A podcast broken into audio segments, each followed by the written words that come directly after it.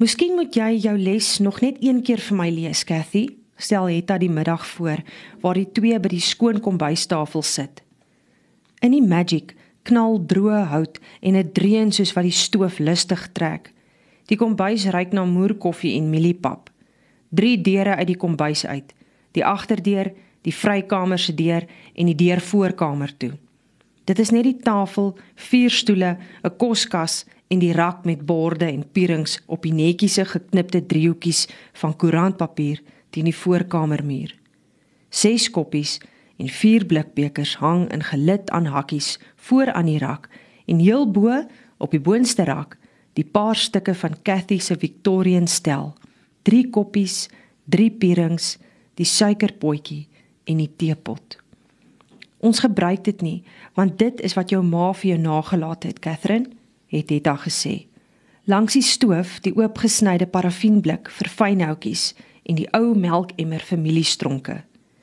Ek ken dit mos al, sug Cathy gemaak en rol haar mooi blou oë. Nogtans blaai sy een bladsy terug. Nie heeltemal nie, want sy hou die bladsy regop tussen haar skraal vingers. Verveeld asof sy te kenne wil gee dat sy die hele les in elk geval uit haar kop kan opsê. Tannie het dit nou al 3 keer gehoor en juffrou sê ek lees die beste in die hele skool, beter as die groot kinders in standaard 5.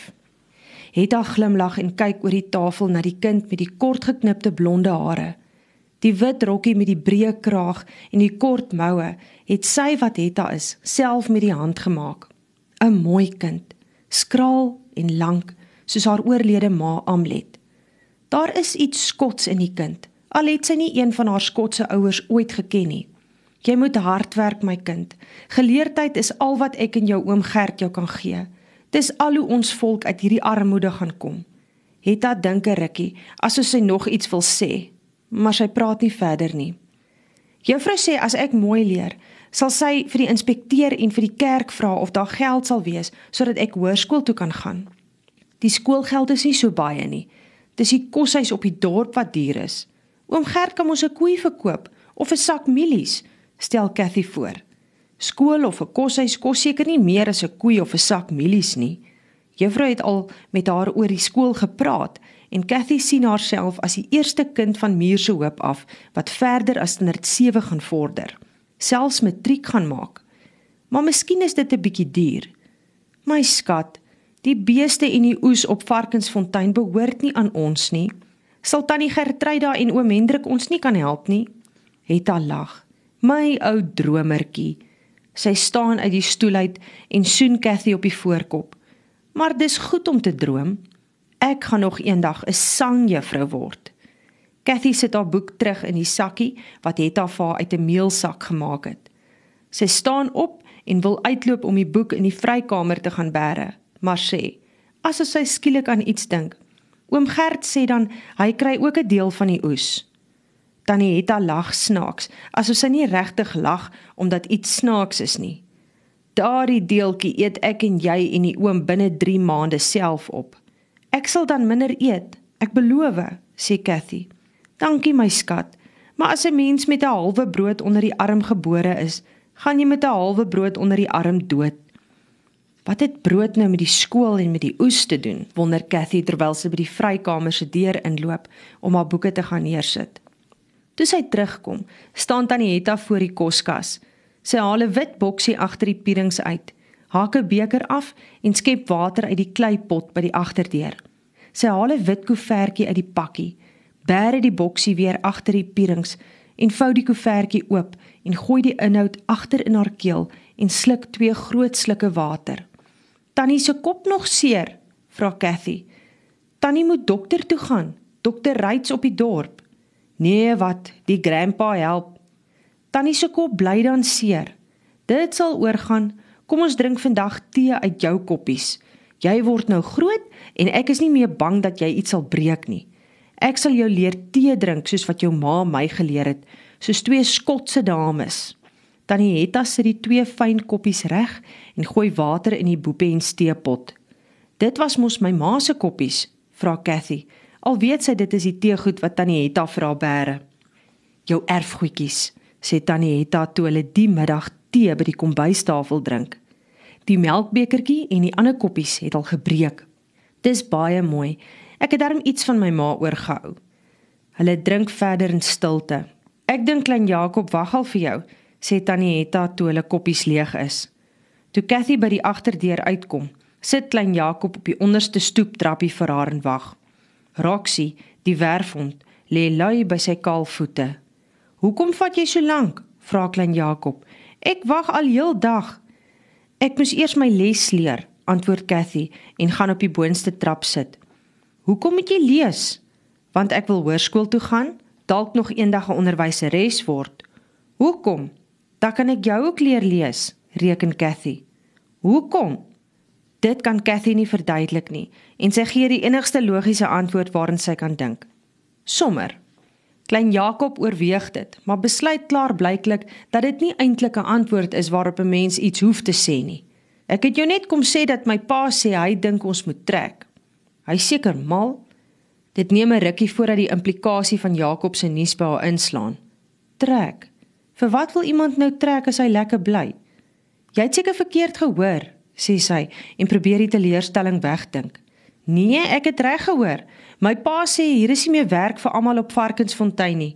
Baas Hendrik wil 'n trekker koop. 'n Trekker? Niemand in Muur se hoop het 'n trekker nie. Ek weet nie eens wat 'n trekker is nie en ek verstaan ook nie hoekom dit sal saak maak dat hier nie meer werk is nie. Ek het by die skool al 'n prentjie van 'n trekker in die landbou weekblad gesien. Dit trek 'n ploeg wat nie net een skaar het nie en dit werk nie met osse nie. Dit loop van self. My pa sê dis iets van die duiwel. Die twee sit stil op die trappie. Elkeen besig met sy eie gedagtes oor die duiwelse ding wat hulle vriendskap kan kom stikkend ploeg. En waarheen sal julle nogal trek? vra Cathy. Johannesburg toe. My pa sê daar's werk op die myne of in die fabrieke. My pa sê my ma sal ook aan werk kry en ek sal kan skool toe gaan. Cathy staan op. En wie dink aan my? wonder sy. Ek het net een goeie maatjie en dit is klein Jakob. Sy sal met Tannie Hetta praat. Tannie Hetta sal met Mita praat en Mita sal vir ou Jakob sê dat hulle eers sal kan trek as sy wat Cathy is hoërskool toe kan gaan. Kom, sê klein Jakob en staan op. Ek moet gaan vuur maak anders het hulle nie vanaand warm water nie. Dit lyk juis of dit gaan reën. Hy kyk wes soos wat sy pa hom leer kyk het vir reënwolke op die horison. Hulle loop links verby die plaashuis om die waanhuis tot by oom Hendrik se gemesselde donkie. Cathy weet al hoe 'n mens eers droë gras en fynhout moet inpak om die vuur onder die drom aan die gang te kry voordat 'n mens 'n dikker hout insit en dan die stronke wat klein Jakob vroeër al met die kruiwa aangery het. Later vanmiddag bring klein Jakob vir hulle ook 'n emmer warm water huis toe. Net een emmer, sê tant Gertryda. Hulle kan nie al die warm water vir die bywoners gee nie, want dis in elk geval nie hulle stronke nie en hulle bad maar min. Toe klein Jakob die stronke ingooi en sy ook, soos elke middag, haar twee hande vol stronke ingekry het, trek sy die geur van mieliestronke wat brand diep in haar neus in op en kyk hoe die stronke vonke skiet. Daar is nie eens mielies in Johannesburg nie, sê Cathy. Jy sal nooit weer 'n vuur van stronke kan ruik nie. Ons het mos nie 'n donkie by die stad nie, antwoord klein Jakob prakties. My ma maak sommer water in die pot op die vuur warm as ons warm water nodig het. Cathy dink 'n rukkie na. Daar's ook nie hout nie, sê sy uiteindelik. Dan sal ons maar moet gaan mis optel. Daar's seker baie diere. Julle kan mos hier op Varkensfontein bly. Hier is melk en vleis en mieliemeel. Jou pa hoef nie te werk nie. My pa sê ons is te arm. Juffrou sê almal op Muur se hoop is arm. Nie baas Hendrik nie. Hy is baie ryk. Klein Jakob staan 'n rukkie asof hy diep nadink toe hy sê: "My pa sê jy's ook ryk, Cathy." Cathy lag. "Ek? Ek het een rok en 'n kerkrok en net een pop wat tannie Hetta vir my uit lap gemaak het en 'n halwe Victorian teestel wat my ma se was. Klink dit vir jou soos ryk?" My pa sê jy het 'n groot diamant. Jou pa jok. Hulle albei kyk na die dooie delwerye agter die huis. Daar's nie eens meer delwers nie, sê Cathy. Waar sal ek 'n diamant vandaan kry? My pa sê jou pa was 'n delwer. Hulle het saam gedelf toe ek en jy nog baie klein was. Ek het my pa nog nooit gesien nie en hom Gert sê daar was te min diamante in hierdie klomp ou claims. My pa sê hy en jou pa het 'n paar gekry. Hou klein Jakob vol. Ek dink nie so nie. Ons is ook arm. Cathy loop sommer net weg, terug huis toe en in by die agterdeur. By die tafel vra sy vir Tannie Hetta: "Wil oom Hendrik 'n trekker koop?" Jou oom Gert sê hy het al in daardie rigting gepraat gaan ons dan ook Johannesburg toe trek? Maar Tannie Hetta antwoord nie. Sy haal net haar sakdoek uit haar rok se mou uit en blaas haar neus.